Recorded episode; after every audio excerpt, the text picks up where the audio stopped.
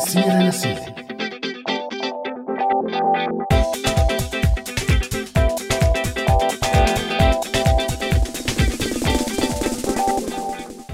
أوقاتكم سعيدة مستمعينا مستمعي راديو سوريالي. بدوري أنا برحب بكل مين عم يسمعنا بحلقتنا لليوم من برنامج من سيرة لسيرة. من وقت ما بلشت الثورة بسوريا وبعد كل شي عمله النظام صرنا نسمع جمل من نوع التدخل الخارجي الأصابع الخارجية المؤامرة الخارجية الأفكار القادمة من الخارج. وهلم جرا كثير من الكلمات والمصطلحات يلي بتصب دائما بقصة التدخل الخارجي. وبالفعل فالتدخلات الخارجية بسوريا بتستحق أنها تدرس بمعاهد السياسة أو كليات الحقوق مستقبلا كنموذج مهم عن التدخلات الخارجية. وكان أبرز اللاعبين أو المتدخلين خارجيا. كانوا وما زالوا عزة وما زالوا. مزبوط مزبوط همام. كانوا وما زالوا هن من أهم المتدخلين خارجيا. أمريكا إيران تركيا وأكيد أكيد ما رح ننسى روسيا. بالإضافة لعدد من الدول الأوروبية وعدد من دول الخليج العربي. لك حتى لبنان بتياراته السياسية لعب دور بالداخل السوري وكان من أبرزهم حزب الله. بس بنظرة تاريخية للصراعات والأزمات داخل الدول منلاقي إنه دائما في تدخلات خارجية ودائما في حدا عم بيحاول يبقى بالدول المجاورة. وفي علاقات دولية بتكون مبنية مع النظم الحاكمة وفي معادلات بتم تركيبها عبر عشرات السنين وفي مصالح إقليمية ودولية ولما يصير في خضات أو انقلابات اجتماعية أو سياسية ببلد أو بمنطقة معينة هذا الشيء كمان بخلي كتير من هي الدول تتدخل. وعن التدخل الخارجي رح نحكي أكثر مع ضيف حلقتنا لليوم الكاتب والصحفي السوري رستم محمود. أنتم معنا على هوا راديو سوريالي بنتمنى يكون الموضوع بهمكم لا تروحوا معنا بهي الرحلة.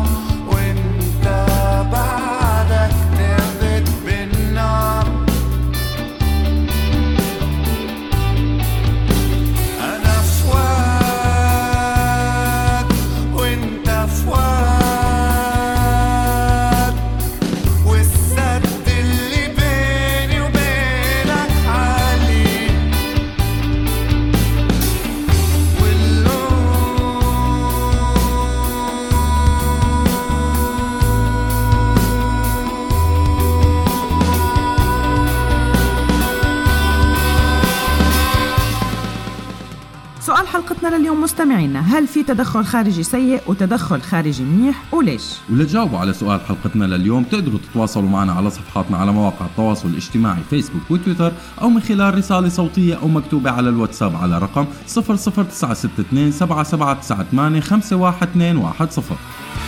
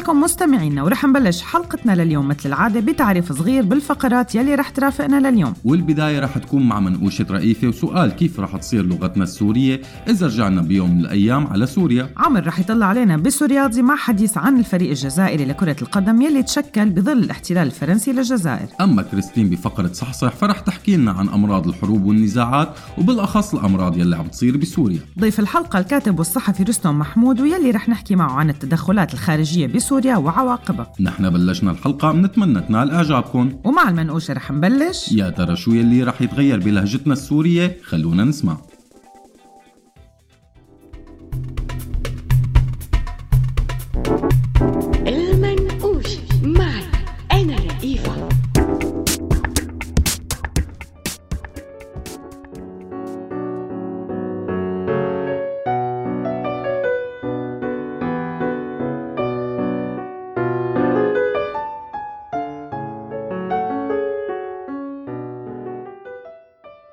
دائما في تأثيرات كبيرة على اللغات. بتيجي هي التأثيرات من الدول يلي جنبها أو بتيجي عبر تطور اللغة الطبيعي. وأحيانا من احتلال هي البلدان. أو مثلا ببلدان متعددة الجنسيات وقائمة على الهجرة.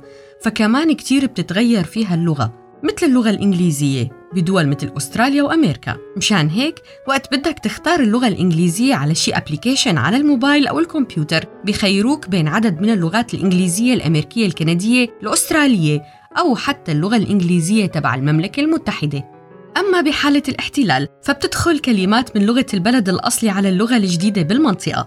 وأحياناً بترجع كلمات من البلد يلي تم احتلاله على البلد يلي احتله سبق وحكينا عن تأثير اللغة السريانية والآرامية على اللغة العربية بسوريا وحتى جذور كتير من الكلمات باللغة العربية بمنطقة الحجاز تأثرت بعدة لغات تبادلت معها التجارة مثل الهند، بلاد فارس وأكيد بلاد الشام. تركت اللغة العربية أثر كبير على قاموس اللغات الأوروبية والأوروبيين.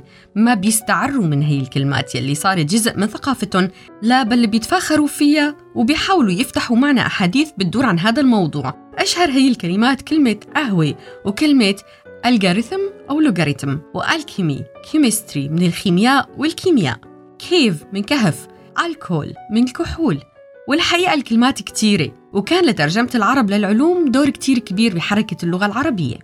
اليوم اللجوء السوري عم بيترك أثر على البلدان يلي عم نلجأ لإلها فكتير من الأوروبيين صاروا يعرفوا كلمة والله يلي منضل منحلف فيها على الطالعة والنازلة وكلمة يلا وحبيبي وحتى أنه أصدقائنا الأوروبيين صاروا يستخدموها بحديثهم معنا. بالإضافة للكلمة الأشهر شاورما هلا الأكيد إنه كل هي الكلمات العربية يلي عم تدخل على هي القواميس ما عم بتضل نفسها فكل كلمة بتتجعلك بتم الناطق فأكيد الفرنسي ما رح يقول شاورما مثل الألماني ولا مثل السويدي. على كل حال مو هاد حديثنا ولا هاد سؤالنا. سؤالنا كيف بدها تصير اللغة السورية إذا رجعنا؟ وخاصة أنه كتير من السوريين بيتكيفوا بسرعة مع المتغيرات والكلمات الجديدة وعم تدخل كلمات جديدة حتى خلال حديثنا بالعربي. فأصدقائنا بفرنسا مثلا كتير صاروا يستعيضوا عن كلمة من قبل بكلمة ديجا وأصدقائنا يلي عايشين بدول ناطقة بالإنجليزي عم بيستخدموا كلمة already بدون ما نحس في متغيرين صاروا فينا كلاجئين خاصة اللاجئين يلي عم بيحاولوا يندمجوا. أول شي انقطاعنا عن لغة الشارع السورية الأصيلة لسنوات طويلة. في كتير مصطلحات وكتير من الكلمات يلي طلعت خلال السنين الماضية غابت عنا كلمات إجت بسبب الحرب. كلمات إجت بسبب الجنسيات المنتشرة على الأرض. أهم شي اختلاط كتير من المناطق السورية مع بعضها البعض. هالشي رح يترك أثر كتير كبير على اللهجات. فكتير من السوريين اليوم مقيمين بإدلب وفي كتير عايشين بالمحافظات التانية وتهجروا. كل هذا الشي رح يترك أثر على اللغة واللهجات السورية. بمطرح تاني هداك اليوم عم بحكي مع رفيقتي بمصر. كانت عم تحكي سوري بس كيف بدي لكم مفشكل. مثلا قالت لي جاجا بالمصري بدل جاجة. وجاجة بالمصري أصلا مو موجودة بيقولوا فرخة. أو مثلا كنت عم بحكي مع صديق تاني بلبنان واللي قال لي رايح الكور واللي هي كلمة فرنسية بيستخدموها اللبنانيين واللي هي دورة تعليمية أو صف. كل أصدقائنا المنتشرين بكل دول العالم صاروا يستخدموا أسماء دوائر الدولة والأوراق الرسمية يلي بهي الدوائر جوات حديثهم باللغة الأصلية. فمنسمع بالكملك عند السوريين بتركيا والجوب سنتر عند السوريين بألمانيا وشوي شوي عم تتشكل لغة جديدة مخلطة. ومع وجود الأطفال بيكون دائما تأثير الموضوع أكثر فبتصير اللغة العربية هي اللغة الثانوية عقد ما حاولوا الأهل إنه يحكوا باللغة الأم.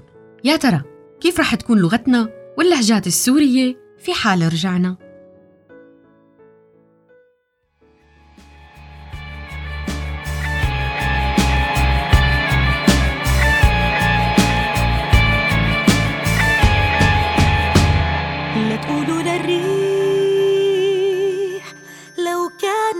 كل شي منيح بعيون المسريح وقفي يا ريح لا تقولوا للضوء ليش بس ولو؟ استنيت شوي لا تغير الجو. لا تقولوا للريح لو كان كل شي منيح بعيون المسريح. وقفي يا ريح لا تقولوا للضوء ليش بس ولو استنيت شوي لا تغير الجو؟ خليكن هيك ضلوا خلوا كل شي بمحله. والفكرة تضل فكرة والله يعيشنا لبكرة. خليكن هيك. ضلوا خلوا كل شي بمحله. والفكرة تضل فكرة. والله يعيشنا لبكرة.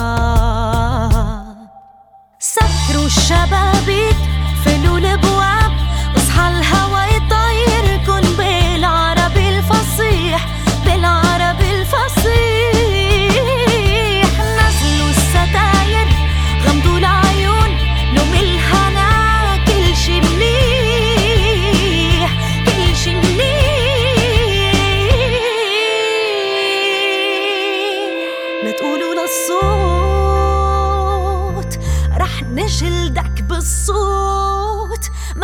كتير. معنا كبير. لا تقولوا للشمس حاكينا همس. ما تطلعي. ما عاد عنا عيون. ما عنا عيون. خليكن هيك. ضلوا خلوا كل شي بمحله. والفكرة ضل فكرة. والله يعيشنا لبكرة. خليكن هيك ضلوا خلوا كل شي بمحله. خليها الفكرة فكرة. والله يعيشنا الشبابيك. وجوابا على سؤال حلقتنا لليوم عقيل ماهر قال كل واحد أضرب من الثاني. أما خالد فقال حسب التدخل تماشي أهدافه مع أهداف صاحب الرأي. وطبعا معدوم يلي بيقول أنا ضد كامل القوات الأجنبية لأنه نحن في سوريا جسم بلا جسد.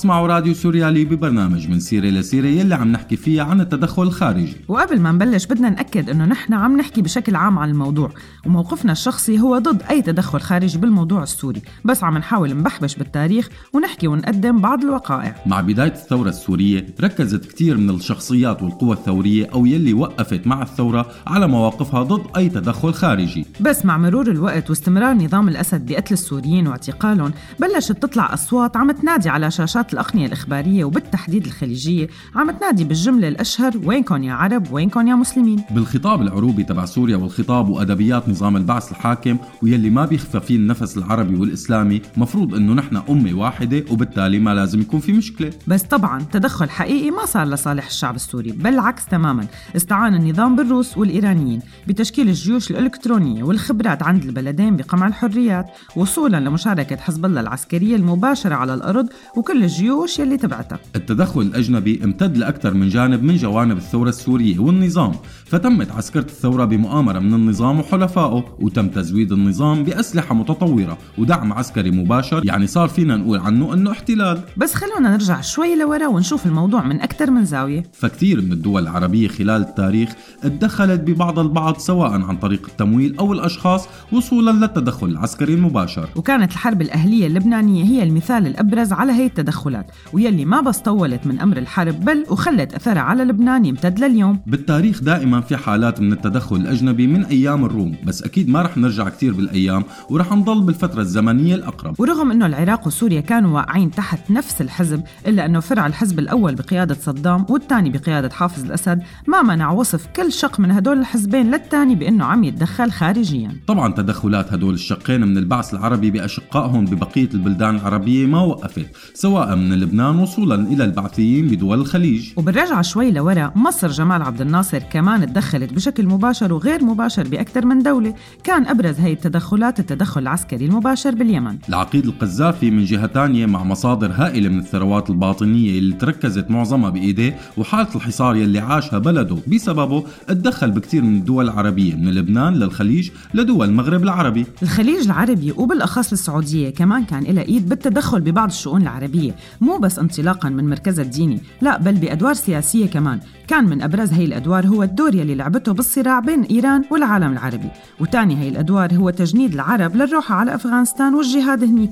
وأكيد كمان امتد دورها لكثير من الدول يلي إلى غالبية مسلمة بآسيا. وأحيانا ما بيكون التدخل الخارجي مغطى لتتحول كثير من الدول لأداة للتدخل الخارجي بإيدين دول تانية مثل ما صار مع سوريا بالاتحاد السوفيتي. وأحيانا بيكون التدخل الخارجي ضمن أفراد جوات النظام نفسه مثل ما هو الأمر بسوريا بالماضي واليوم. فكان دائما وزير الدفاع السابق مصطفى طلاس بسوريا مقرب من الاتحاد السوفيتي بينما كان رئيس الأركان الشهابي مقرب من الغرب أو أمريكا على وجه التحديد. واليوم عم نشوف كيف إنه في عناصر عم تكون مقربة من إيران وعناصر مقربة من روسيا بالصراع الروسي الإيراني الخارجي بسوريا. وأهم شيء بدنا نقوله من هذا الجزء من البرنامج أنه باستعراض تاريخي بسيط للمنطقة العربية على ما يبدو أنه التدخل الخارجي بشؤون الدول هو أمر تقريبا حتمي أنه رح يصير. بس الأهم كيف ممكن السياسيين يطوعوا هذا الشيء لمصلحتهم بدون ما يكونوا أدوات للآخر. في ناس بتقول إنه الأمر مستحيل بس في عدد من الثورات والصراعات بالتاريخ أثبتت إمكانيات هذا الشيء. ومن التاريخ القريب أثبتت التجربة الجزائرية والسودانية والتونسية إنه هذا الشيء ممكن لما يكونوا السياسيين بالأول بيتبعوا سياسة وطنية ومو مصالح شخصية وما بيشتغلوا على تغييب دور الناس وما بيستغلوا كل الدماء يلي نزلت مشان مصالح شخصية. ومن هون بنروح لتجربة جزائرية قديمة بالتحرر من الاحتلال مع عمر بوسو سوريالي مع عمر سواح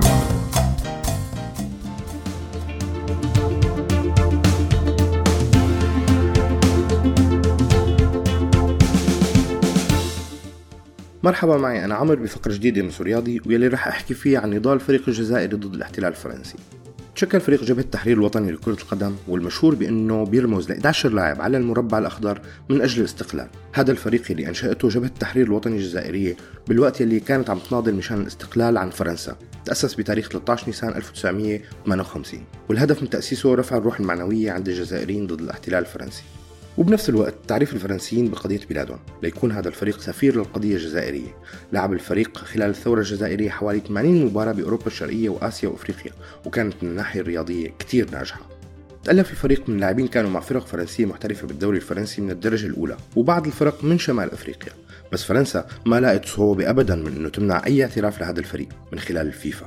وقفت ضده لسنين وسنين. بس الفريق استمر يلعب مبارياته قدام فرق عالمية وإقليمية. ب 8 أبريل 1958 خبر بو مرزوق المسؤول عن تشكيل الفريق كل اللاعبين إمتى موعد أول مباراة بتونس؟ وموعد المغادرة وتم ترتيب كل شيء مرتبط بالموضوع. ب 14 أبريل غادر 12 لاعب كرة قدم جزائري نواديهم بفرنسا، اللاعبين هن العربي، بخلوفي، طيفور، بن بكر، بشكوك، شابري، الإبراهيمي، كرمالي، معوش، مخلوفي، راوي وزيتوني. غادر اللاعبين نواديهم ومقر إقامتهم بفرنسا بالسر مجموعات صغيرة أو فرادى ببعض الأحيان. ليوصلوا لروما نقطة التجمع الأولى. واجه حسان شبري ومحمد معوش عند الحدود السويسرية بعض المشاكل بسبب محاولات المخابرات الفرنسية أنه تمنعهم المغادرة حتى 20 أبريل. معوش كان لازم يلتقي مع مجموعة بسويسرا ليكملوا على إيطاليا. بس المشكلة إنه كان لسه عم يخدم بالجيش الفرنسي مشان ما يتم إعلان أسماء اللاعبين الهربانين ومن بينهم أكيد اسمه. وبالتالي رح ينقبض عليه ويتحاكم عسكريا مشان هيك قرر يرجع. شبري انقبض عليه على الحدود مع إيطاليا وتم استجوابه ليتم اقتياده لمرسيليا وينحبس هنيك وبعدها تم محاكمته بتهمة المساس بأمن الدولة وبيقضي مدة عقوبة بمعسكر اعتقال جنب الجزائر العاصمة. أما اللاعبين الآخرين وصلوا بالوقت المحدد على تونس واستقبلهم فرحات عباس رئيس الوزراء المؤقت بحكومة الجزائرية والحبيب بورقيبة رئيس جمهورية تونس وتم تقديم الفريق للصحافة. نجحت أكيد التغطية الإعلامية للحدث مثل ما خطط قادة الجبهة. لتعنون جريدة ليكيب الفرنسية عددها بجملة اختفاء تسع لاعبين جزائريين. أعلنت النوادي اللي تركوها لاعبتها عن فسخ عقودهم وكان رد الاتحاد الفرنسي من خلال بيان قاسي كتير على ترك اللاعبين لأنديتهم. بعد ما حصلت الجزائر على استقلالها اشتغل لاعبين بفريق جبهة التحرير كمدربين ولاعبين ومسؤولين باتحاد كرة القدم الجزائري اللي تأسس بسنة 1963 وبعضهم رجعوا على الدوري الفرنسي. ولهذا السبب كثير من الجزائريين بيعتبروا فريق جبهة التحرير الوطني هو السلف التاريخي لمنتخب ثعالب الصحراء. كنت معكم أنا عمر بسورياضي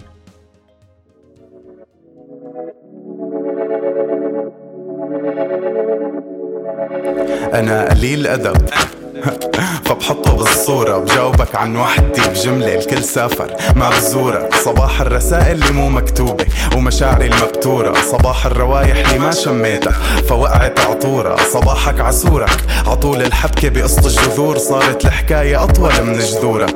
صباح السوري وين ما راح. صباح الخطورة. صباحك بحلي القهوة. يا ريتك تكتري شوي بس شوي ويقلوا الذكورة. صباح كل الكائنات اللي بتفرض حضورها. صباحك بيشبه المساكنة غير مرحب فيه ببلادنا المقهورة بتشتي حليب. بنعمل جبنة بالجورة؟ في منا اللي شهدوا اللي إلنا بالشوارع ومنا اللي شهدوا زورة. بس هي غنية للصبح فانسى ودورة. تعاش ليلك اسمعني وانسى ودورة. لا سين ولا جيم أنا ضاطحه لابسين أنا شارحن لا سين ولا مشهد فاضحن لا يقرشوني ولا بمالحن صباح اللي زعل لحاله ما بيرضى لحاله. بصالحه حاطط راسي براس الدنيا. معقول اتنازل وناطحه لا سين ولا جيم أنا ضاد لابسين أنا شارحن لا سين ولا مشهد فاضحن لا يقرشوني ولا بمالحن صباح اللي زعل لحاله ما بيرضى لحاله. بصالحه حاطط راسي براس الدنيا. معقول اتنازل وناطحه بس هي غنية للصبح فانسى. تعايش ليلك. اسمعني وكب البحر جميلك. مفتح لك دكان براسي لما ينادوا بترحيلك. صباح اللي بتدعيلك طيز للباقي سردات عاطلة فشيلك. سردات العاطلة فشيلك.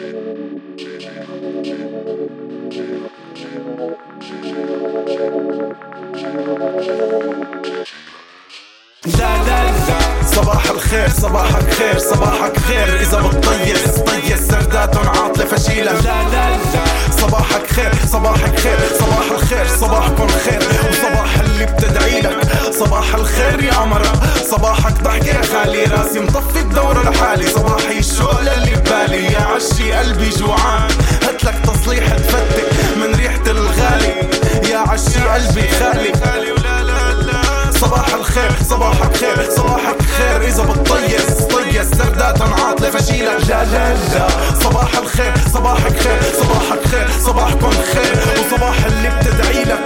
صباح الخير يا عمرة صباحك ضحكة يا غالي. راسي مطفي بدور الحالي عني ولا اللي ببالي يا عشي قلبي جوعان. هاتلي تصريح ودفتك من ريحة الغالي. يا عشي قلبي غالي. ولا لا لا. صباح الخير صباح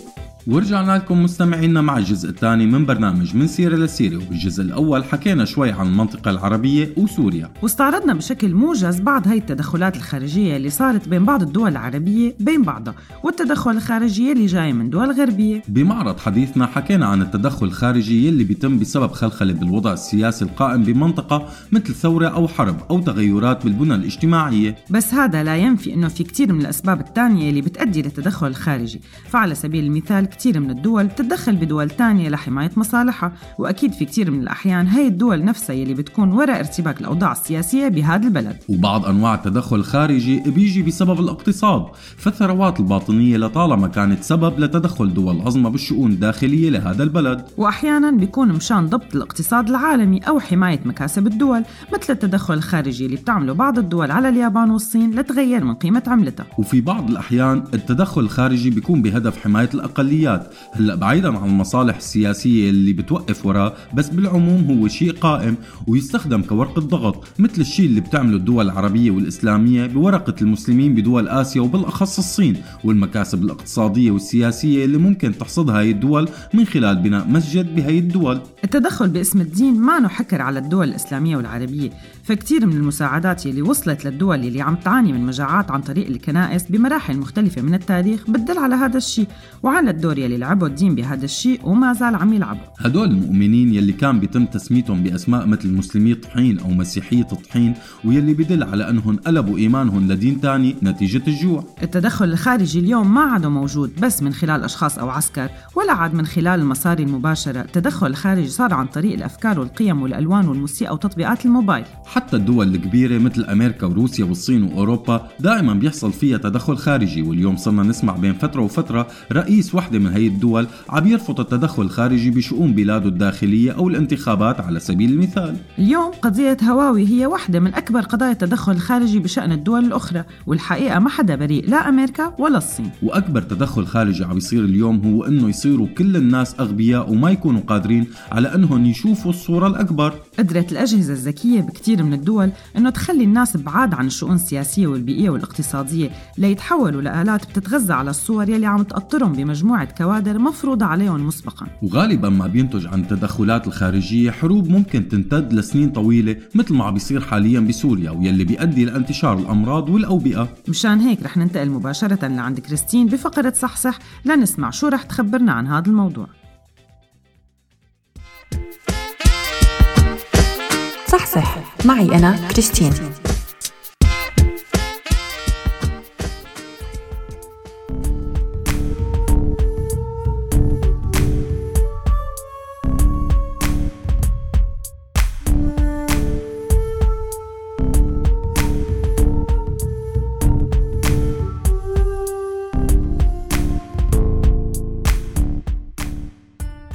مع الحروب والنزاعات دائما في أمراض بتصيب الناس. ومثل ما عم نشوف قديش في مناطق شاعلة بعالمنا العربي ممكن نتخيل كمية الأمراض. الكوليرا والملاريا من أبرز هي الأمراض. فباليمن يلي كان سعيد أكثر من 34 شخص ماتوا بسبب مرض الكوليرا أو مضاعفاته. وفي تقديرات بتقول إنه 2000 إصابة بهذا المرض حسب منظمة الصحة العالمية بسنة 2017 الجرب أو حسب ما يطلق عليه بحكة السبع سنين هو مرض جلدي معدي صاب كتير من العراقيين خلال أغلب الحروب يلي مروا فيها. مرض بيسبب حكة شديدة وطفح جلدي وهذا المرض عانى منه كمان السوريين بمعتقلات الأسد وبكتير من المخيمات يلي ما كانت معدة لاستقبال اللاجئين.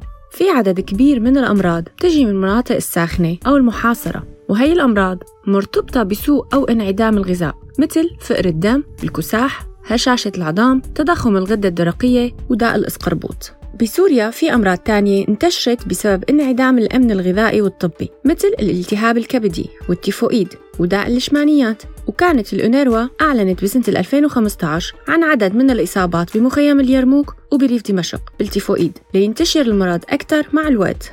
هذا المرض يلي بتسببه بكتيريا Salmonella typhi بينتقل عن طريق تناول الأكل والمي الملوثة فبتغزو الكبد والطحال والجهاز الليمفاوي والمرارة.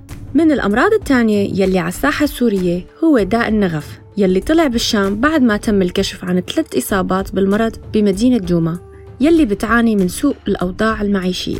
بيجي هذا المرض مع نوع من الحشرات يلي بيحط البيوت تبعه على الجروح المفتوحة وبالتالي بتتغذى يرقات البيوض على اللحم والأنسجة. وانتشر هذا المرض أكثر شيء بالمناطق يلي كانت تحت سيطرة داعش. مرض التهاب الكبد الوبائي هو مرض انتشر بشكل كبير بين السوريين وخاصة بمناطق النزوح الداخلي مثل ريف حلب وإدلب والرقة.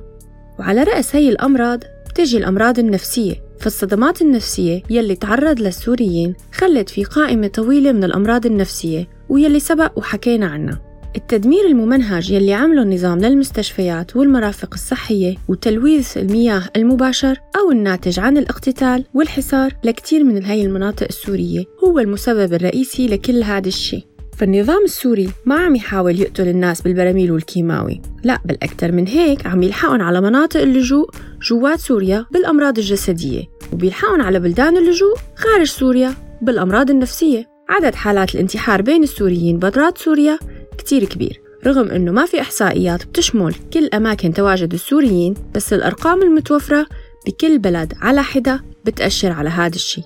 كنت معكم أنا كريستين بهاي الفقرة من صحصح.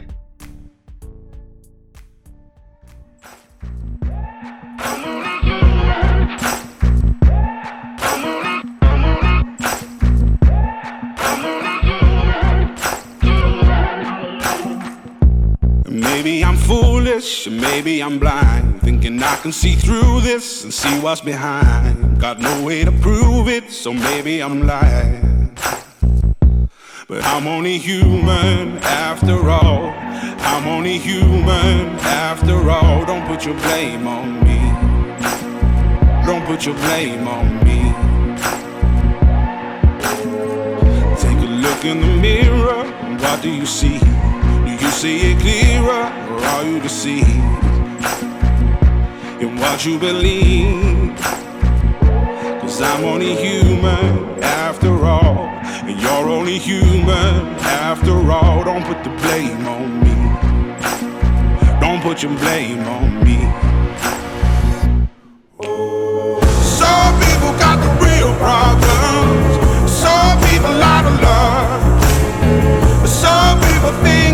Lord heavens above, I'm only human after all. I'm only human after all. Don't put the blame on me.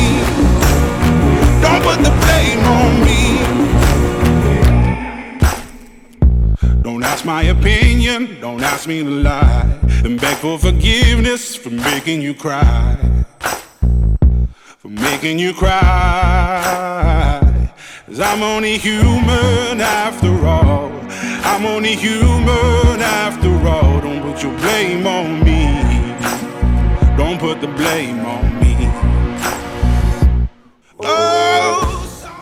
حمودي موسى جاوب على سؤالنا لليوم وقال ابن الحرام الداخلي أسوأ من كل التدخلات الخارجية وكان هو سببهم أما شادي فكتب لنا وقال الإيراني مصلحته مع العلويين الروسي مصلحته مع النظام الأمريكي مصلحته مع الكرد والتركي مصلحته مع السنة كلهم إلهم أدوار After all, don't put the blame on me. Don't put the blame on me. I'm only human. I made mistakes. I'm only human.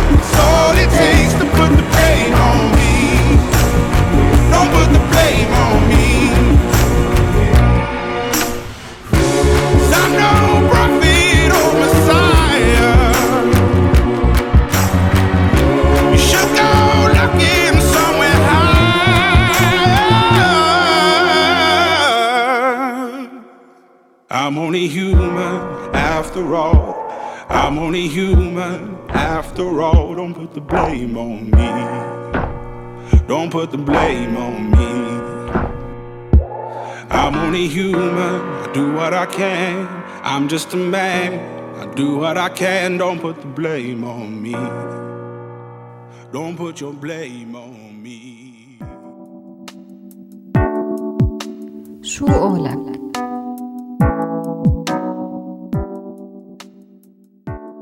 ضيفنا لهي الحلقة مو غريب عن راديو سوريالي لا ككاتب ولا كضيف بأكثر من برنامج. ضيفنا لليوم هو الأستاذ رستم محمود يلي منرحب فيه من جديد على هوا راديو سوريالي. سوريالي.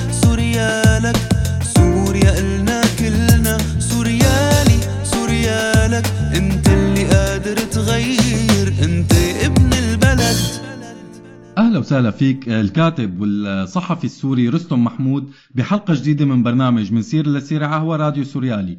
طبعا رستم يعني آه، أنا قلت لك ضيف مجازا ولا أنت بتعرف أكيد من أهل البيت. فأهلا وسهلا فيك آه، رستم. أهلا وسهلا فيكم وشكرا لهي الاستضافة. وأنا بمسي أو بصبح حسب توقيت العرض على كل مشاهد مستمعي راديو سوريالي وبتمنى لهم الصحة و- والعمر المديد شكرا شكرا كثير تسلم. رستم أهلا وسهلا فيك. بداية رستم من خلال تحليلك واطلاعك الواسع على على الوضع بسوريا عفوا. آه، برأيك مين هن أقوى اللاعبين الخارجيين طبعا حاليا على الأرض السورية؟ حقيقة اللاعبين الخارجيين هم يعني أربع جهات رئيسية بيلعبوا دومينو على الأرض السورية. الولايات المتحدة الأمريكية بالرغم من كل شيء يعني ما تزال هي اللاعب الأقوى وقوتها تأتي من يعني هيمنتها وعلى السياسة الدولية وقدرتها وأدواتها بمنطقة الشرق الأوسط للتأثير على الأوضاع وخلق نوع من الظروف.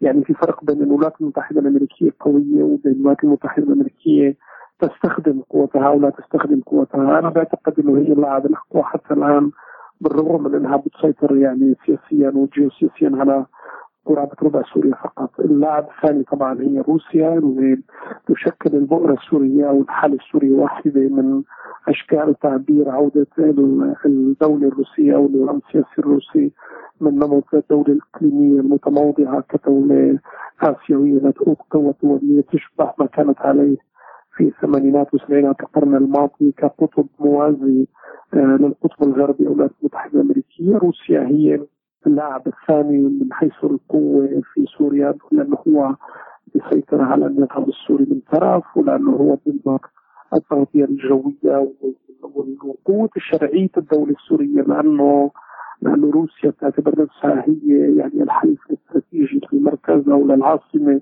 القوتين الإقليميتين الموازيتين للولايات المتحدة الأمريكية وروسيا على المستوى الدولي هن تركيا وإيران.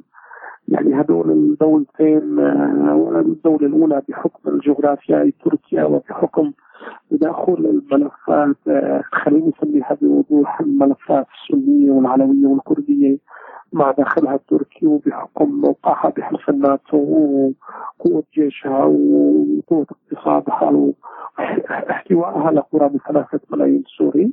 وإيران من حيث القوى الأيديولوجية والعلاقات الطائفية السياسية اللي تربطها مع النظام السوري هي القوى الإقليمية المؤثرة الثانية طيب رستم إذا افترضنا شرعية ما بين أكثر طبعا من قوس لنظام الأسد فهل يا ترى كان يكفي هذا الشيء ليعطي النظام غطاء لاستدعاء قوى خارجية للتدخل بسوريا؟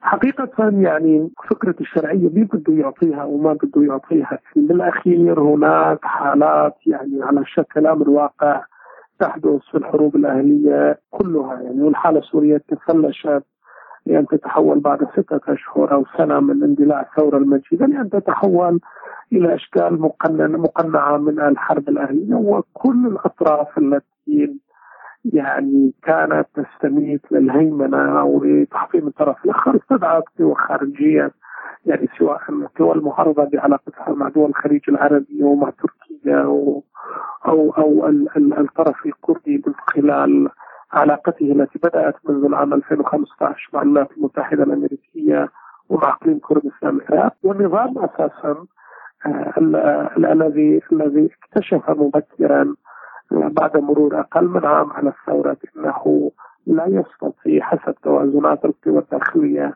أن يخوض حربا ضد الأغلبية المطلقة من الشعب السوري ويخرج منتصرا ولو حتى عسكريا.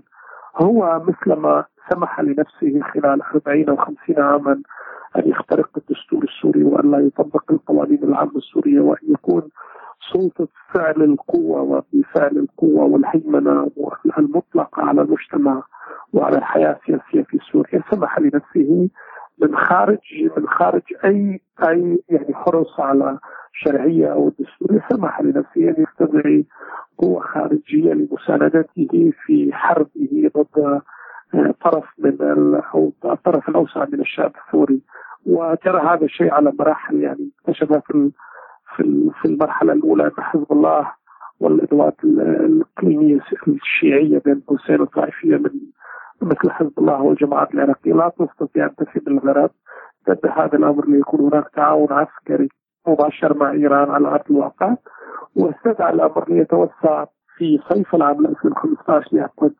آه ليعقد اتفاقية تغطية للتدخل الروسي آه في في المسألة السورية. علي هنا أشير إلى شيء دقيق آه، توصيفي. النظام السوري بطبيعته التأسيسية التكوينية هو نظام خارجي بمعنى ما أن هذا النظام منذ منذ تأسيسه آه، آه، المستمر منذ عام 1970 ومنذ سعي مؤسسه منذ العام 67 حافظ الأسد هو نظام لا يحافظ على الشرعية والقبول والاستمرارية بناء على على ما يمنحه الداخل السوري أو الشعب السوري. سواء عبر صناديق الاقتراع أو قبول أو الرضا أو التنمية الاقتصادية هو لا يعتد بمجموعة هذه الملفات ولا يعتبرها مهمة في استقرار النظام ودينونته بل يعتبر النظام السوري نفسه نظاما خارجيا بمعنى أن مجموع الحاجات والمصالح والأدوات التي يعمل عليها هذا النظام لصالح الخارج سواء في الداخل السوري أو في الدول المحيطة هي التي تمنحه هذا الاستقرار. النظام السوري كان على الدوام على توافقات واضحة جدا للمتابعة الحصيف سواء مع إسرائيل أو الدول الأوروبية أو مع السوفيتي سابقا وروسيا لاحقا. وأولا مع الولايات المتحدة الأمريكية لتنفيذ جملة من المشاريع والمعطيات في الداخل السوري في تغيير الهوية والنزعة السياسية والسياسة الخارجية السورية من طرف وعبر انشغالاته في القضايا والملفات المحيطة به. أولا عبر ملف القضية الفلسطينية وعلاقته التاريخية الضابطة والمتوترة مع منظمة التحرير الفلسطينية بالذات مع حركة فتح أو في الداخل اللبناني باعتبارا من عام 76 حينما تدخل في لبنان وكان بمثابة أداة القوى الدولية لضبط التوازنات اللبنانية. أو عبر تدخله في الملفات العراقية والتركية عبر القضية الكردية والصراعات الطائفية أو عبر تدخله في في الأردن وضغوطه على النظام الأردني. ويمتد الملف لأن يكون للنظام السوري أدوات خارجية تمتد من جيش التحرير الجمهوري الإيرلندي إلى يعني حركة تحرير فاتامي التايلاندية. جميع هذه الملفات كانت دمشق عامرة في زمن النظام السوري بأدوات عصاباتية وميليشيوية وتنظيمات خارجة عن النظام الدولي يستطيع أن يضبط بها علاقته واستمراره. لأجل ذلك أن استدعاء النظام السوري لقوة خارجية لاستمراره كنظام سياسي حاكم ليس بأمر مسلم يعني غريب وجديد على هذا النظام. هذا الشيء هوياتي في النظام السوري وهذا الشيء يعني تقليدي في النظام السوري كان متوقعا له أن يحدث منذ بواكير يعني الأيام الأولى لاندلاع الثورة المجيدة وتصريحات المقربين الذين يعتبرون النواة الصلبة للنظام السوري واضحة أمثال رامي مخلوف وغيرهم حينما ربطوا استقرار إسرائيل وغيرها من الاستقرار آه، وبقاء النظام السوري في خطه لسوريا. طيب رستم برأيك شو السبب المباشر لدخول روسيا إلى سوريا؟ وشو المكاسب يلي ممكن تحققها؟ ويلي ما عم توصل للإعلام أو ما عم يتم الحديث عنها بالإعلام؟ هي يعني روسيا تشتغل على جملة مصالح متداخلة كقوى عالمية وهي تعتبر نفسها قوى عالمية.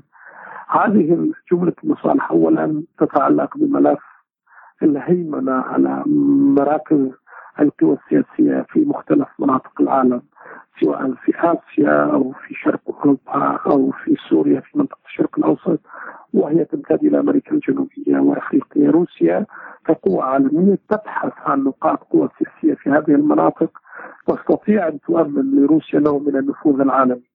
هذا أول المسألة. الثانية كانت الثورة السورية من حيث مظاهرها التي ظهرت فيما بعد كانت تبشر حقيقة وعلينا أن نعترف بذلك. كانت تبشر وتشير إلى أن نوع من الإسلام السياسي المرتبط بحركة الإخوان المسلمين والذي يملك أشكال من ربما أو أشكال أو أو قاعدة لأشكال من التطرف الإسلامي سواء الإخواني أو السلفي. انتصار هذا المشروع في سوريا رغما عن الشعب السوري يعني بأدوات تركية وبأدوات جماعات أخرى مثل جماعة الإخوان المسلمين. كان سوف يكون أداة لأن تنتقل هذه النزاع إلى مناطق أخرى من العالم وأقربها هي منطقة القوقاز التي تسيطر عليها روسيا في الشيشان وغيرها من الدول ذات الأغلبية المسلمة. روسيا كانت تعتبر ذلك مسا بأمنها القومي وعليها أن تكبح هذا الربيع العربي بهذا المعنى خصوصا وأن الكثير من الإشارات أشارت إلى أن النموذج السوري ربما يستعيد وقتها أقصد النموذج المصري والنموذج الليبي والنموذج التونسي الذي حققت فيه جماعات قريبة من يعني متراوحة بين الإسلام الإخواني والإسلام السلفي انواعا من الحضور والبروز على ساحة هذه الدول. المسألة الثالثة والرئيسية تتعلق بالمسألة الاقتصادية، يعني روسيا تعمل على شبكة طاقة عفوا شبكة طاقة عالمية رهيبة جدا. تتعلق بالغاز أولا تمتد من مناطق الخليج ومن كازاخستان وتركيا وتمتد إلى أوروبا.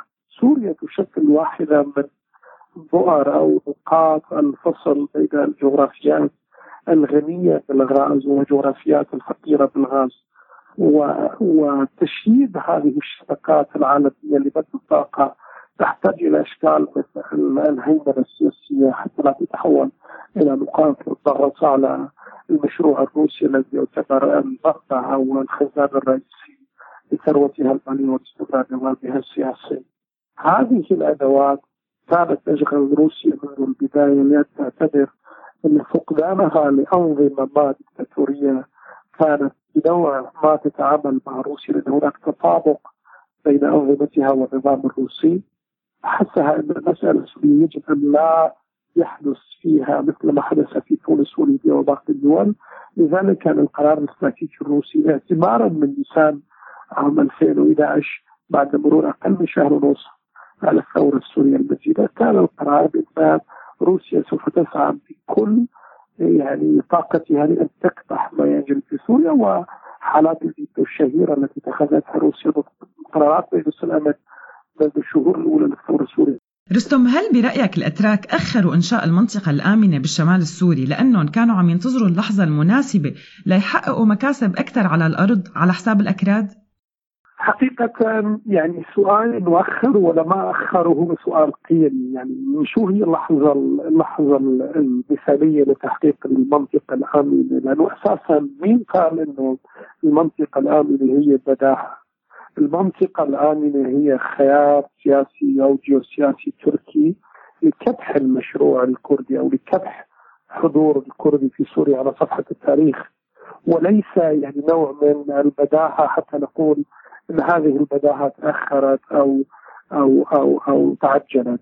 المنطقة الآمنة ضمن هذا السياق يعني هي نوع من المكاذبة المتبادلة بين تركيا والولايات المتحدة الأمريكية لتغطية أمر رئيسي. تركيا تقول مكاذبتها لأن مشكلتها مع هذا الفصيل الكردي أو هذا المشروع الكردي أو الإدارة الذاتية لشمال شرق سوريا هي مشكلة أمنية.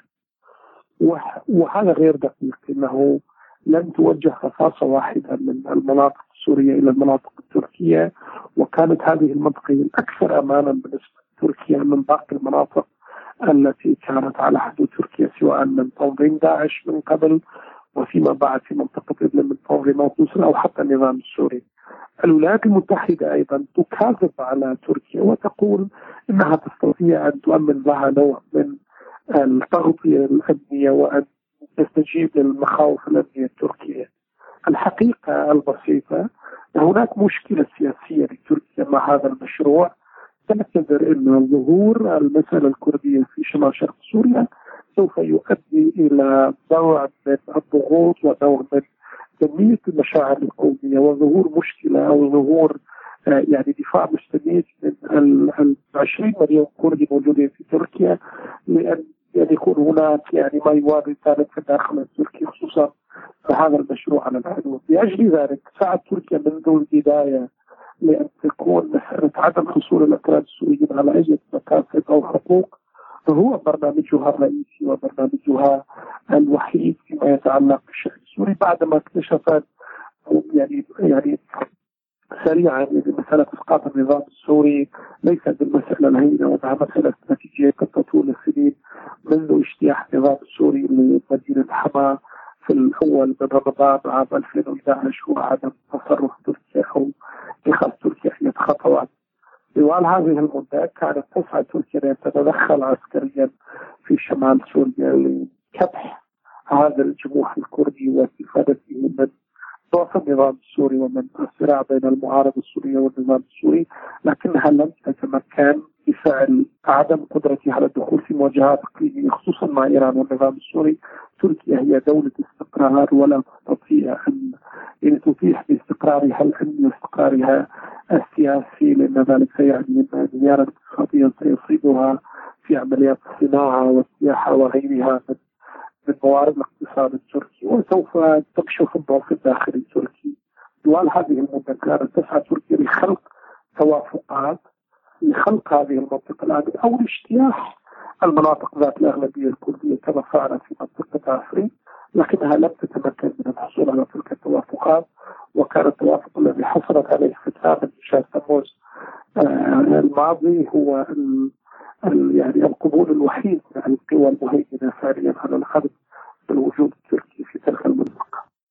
طيب رستم إلى أي مدى بتشوف أنه الصراع الروسي الإيراني على الأراضي السورية ممكن يستمر في حال قدر النظام يتمكن بمساعدتهم طبعا من السيطرة على كامل تراب التراب السوري عفوا وهل في إمكانية برأيك أنه يكون في صراع من نوع بيشبه يلي صار بالنصف الثاني من الحرب الأهلية, الأهلية اللبنانية كنوع من حرب الوكالة مثلا؟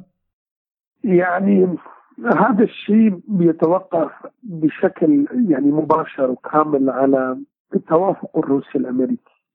يعني إذا صار في توافق روسي أمريكي على مستقبل سوريا والنظام السياسي السوري وأتت حل المسألة السورية بعد نهاية معركة إدلب لأن وقتها سوف يعني أن روسيا وأمريكا فقط يسيطران على سوريا بشكل مطلق آه، تركيا آه، روسيا شرق الفرات وأمريكا الولايات المتحدة شرق الفرات وروسيا غرب الفرات.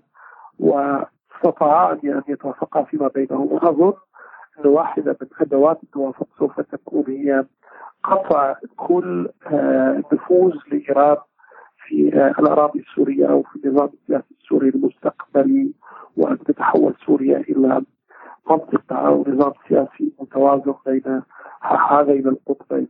لكن في حال لم تتوصل روسيا والولايات المتحدة مثل ذلك القرار سوف يعني تواصل إيران الاستفادة من هذا التناقض الروسي الأمريكي وسوف تبقى على الأرض لأن تكون يعني بمثابة الجهد العسكري الأرضي للمشروع الروسي في سوريا. هذا من طرف. من طرف آخر يعني هذا الأمر يتوقف أمر يعني الصراع الروسي أو التناقض الروسي الإيراني يتوقف على ما يمكن أن يعني يصل إليه المشروع الأمريكي في كبح جماح النظام السياسي الإيراني وتدخلاته في الدول الإقليمية. يعني هناك مشروع أمريكي قائم الآن عبر الحصار الاقتصادي وعبر العقوبات الاقتصادية لأن توصل إيران إلى نوع من الضعف الكياني لأن تنسحب من جميع هذه المناطق. انسحاب إيران من هذه المناطق من اليمن ومن العراق سياسيا وعسكريا. من اليمن والعراق والبحرين ولبنان وسوريا سوف ينعكس على هذا الصراع الروسي الإيراني. المسألة الثالثة والتي تتعلق بخيارات النظام السوري نفسه هل سوف يؤمن النظام السوري أو يقبل النظام السوري في لحظة ما بمشروع روسي ما مستقبلي؟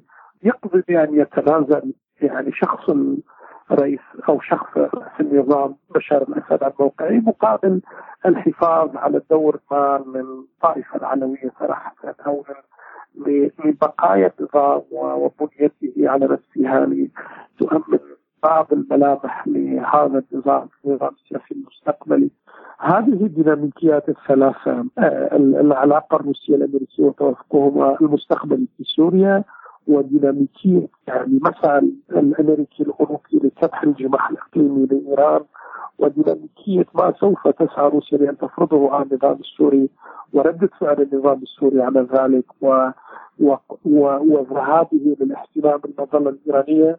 سوف تحدد الشكل المستقبلي للعلاقة الإيرانية الروسية في في الداخل السوري طيب سؤالنا الأخير لك رستم لليوم بعيدا عن شيطنة التدخل الخارجي بكل الأدبيات السياسية هل في تدخل خارجي سيء وتدخل خارجي منيح؟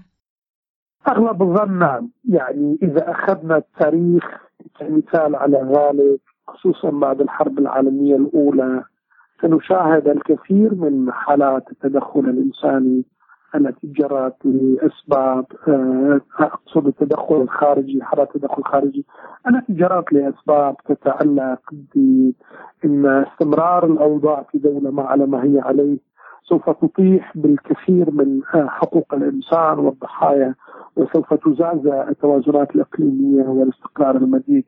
يمكن لنا أن نذكر يعني التدخل الخارجي الأمريكي في الحرب العالمية الأولى لصالح دول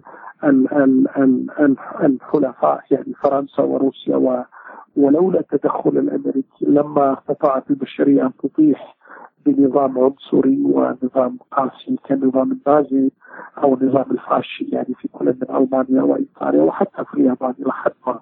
وهناك أمثلة عديده لذلك التدخل. يعني هناك يعني التدخل الشهير الذي مارسته يعني الدول الأوروبية وحلف ناتو في يوغوسلافيا والذي والذي تمكن من حفظ دماء الملايين من مسلمي البلقان وهناك التدخل الخارجي الذي جرى في أفغانستان وحمى هذه الدولة أو حطم إلى حد بعيد تنظيم طالبان وطبعا هناك أشكال من التدخل الخارجي موازيه لذلك. تتقصد الهيمنة والدعم ودعم الأنظمة الشمولية التي التي يعني لا تراعي مصالح شعبها وتعتبر خارجية وقامت بها للأسف مختلف الدول. يعني النظام الأمريكي قام بالخمسينات بتدخل رهيب في إيران وحمى نظام الشاه محمد علي محمد بهلوي محمد رضا بهلوي آه لصالح آه لصالح آه لصالح نظام موالي للغرب على على التناقض مع مصالح الشعب الإيراني الذي كان يعني يؤيد رئيس الوزراء محمد مصدق الذي كان يمثل وطنية إيرانية ما تدافع عن مصالح إيران في ثروته الباطنيه وهناك ال- ال- التدخل السوفياتي في براغ في الخمسينات حينما اندلعت ثورة مناهضه للنظام الشمولي الشيوعي في تلك في تلك الدولة وتمكن من كبح ذات تلك الثورة. وهناك التدخل الروسي في في أوكرانيا الشهير الذي استطاع يعني يعني يقطع جزء من الأراضي الاوكرانيه ويقضي على الربيع الاوكراني وهناك يعني أشكال أخرى من التدخلات. ال- الفاصل بين الأمرين يتعلق بالقضية التي تتدخل فيها هذه الدول في الملفات الداخلية. يعني فكرة السيادة التي منحتها الأمم المتحدة والشرائع الدولية لأنظمة الحكم هي فكرة مؤثرة يعني لا يملك أي نظام سياسي أو نظام نظام داخلي يعني حرية مطلقة بممارسة سياسه سيادته ان هذه السيادة بلحظة ما قد تعني يعني قتل ملايين البشر قد تعني قصف البشر بالأسلحة الكيماوية كما فعل نظام مجرم كنظام صدام حسين بالاكراد وبأهل الجنوب في العراق.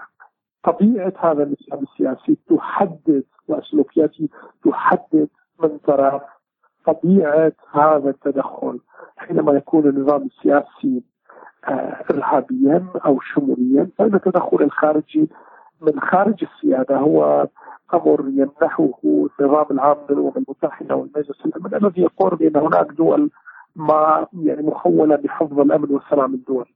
المسألة الأخرى تتعلق بأن هذه القوى المتدخلة هي تتدخل لصالح مجموعة من المبادئ العليا التي حفظتها الشرائع الدولية تتعلق بالحريات العامة وحفظ الكرامة الإنسانية وبالمساواة بين البشر وحق تقرير المصير للمجموعات السكانية وحق اختيار يعني الحق بالاختيار الحر لشكل وهوية النظام السياسي أم تتعلق بكبح هذه الأمور. هذه أيضا تعطي بعد قيمي لهذا التدخل. بالمجمل إذا حكينا بهذه المعايير بالمسألة السورية التدخل الإيراني والتدخل الطائفي هو أطاح بهويه الثورة السورية التي كانت تسعى لأن تؤسس دولة مدنية ديمقراطية ونظام سياسي ديمقراطي ومدني. ومن ثم زاده التدخل التركي لزيادة هذا الاستقطاب من حيث إن المشروع التركي بمعنى ما كان مطابقا إلى حد ما للمشروع الإيراني وان كانت الضفه الأخرى التي كانت تسعى لأن تكرس أو أن تصنع نوع من هيمنة الجماعات بين قوسين السنية المحافظة وربما المتطرفة المرتبطة والمواليه تركي تركيا وتصنع نوع من النفوذ التركي المطلق في الداخل السوري شبيه للنفوذ الإيراني الذي كان عبر النظام السوري. التدخل الروسي كان قمة يعني الإرهاب الخارجي عبر يعني عمليات حربية تامة يعني موالية لنظام شمولي جدا مناهض لشعبه وكابح لطموحاته. التدخل الأمريكي يتراوح بين البعدين القيمي التدخل الأمريكي وعبر قوى التحالفيه لمحاربه الإرهاب تمكن حقيقة من من إعادة أو تحطيم يعني أعطى أعطى قوى إيديولوجية متطرفه كانت تهيمن على قرابة آه، يعني نصف مساحة سوريا واستطاعت تحطيم هذا النظام هذا هذا الجسم ال- الرهيب المتمثل بتنظيم داعش وهو يسعى الآن خلال الهيمنة السياسية على منطقة شرق الفرات لأن يكون فاعلا في في حاضر ومستقبل الشعب السو- السوري. يجب على السوريين كما أعتقد أن يعترفوا بذلك أن يعترفوا بأن دولتهم أو تكوينهم الثقافي التاريخي يفتقد إلى الأسس الموضوعية للنواه الصلبة للدول ذات البنية الوطنية التي يعني يم- يمتنع فيها من من تدخلات خارجية. وقتها سوف يكون هناك مساء حقيقي من قبل النخب والقوى السياسية والاقتصادية السورية لأن تبني تلك النواة الصلبة للسورية التي سوف تمنع حدوث أي شكل من أشكال التدخل الخارجي في دولة مثل سوريا. نهاية رستم شكرا كثير لك ويعطيك ألف عافية على وقتك وعلى المعلومات اللي أفدتنا فيها. يا أهلا وسهلا فيكم وتحياتي للأهل والأصدقاء والزملاء براديو السورياني ولكل المستمعين. وإن شاء الله قريبا نساوي هيك لقاء بدمشق وبنحكي بكل المواضيع. بس بدنا على مسألة التدخل الخارجي ببلدنا لأنه إن شاء الله وقتها ما بيكون في أي تدخل خارجي ببلدنا إن شاء الله إن شاء أكيد الله يا رب. شكرا كثير رستم تانية بيفصل خلي الوقت اللي اعطيته لك وطول النفس اللي كنت لك.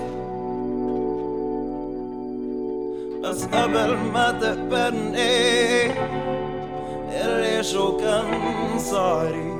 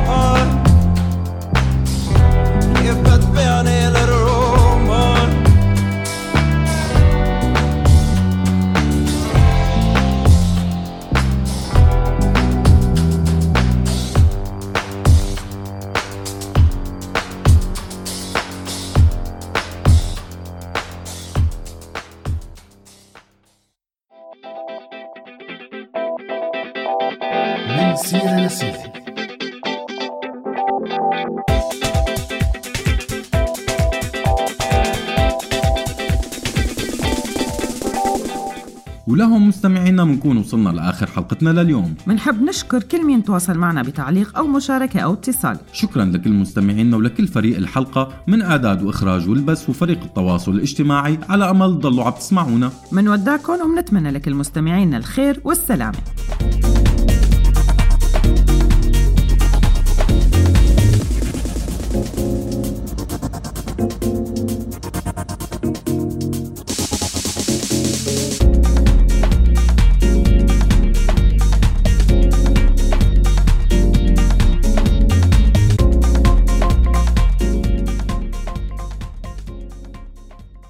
هذا البرنامج من إنتاج راديو سوريالي 2019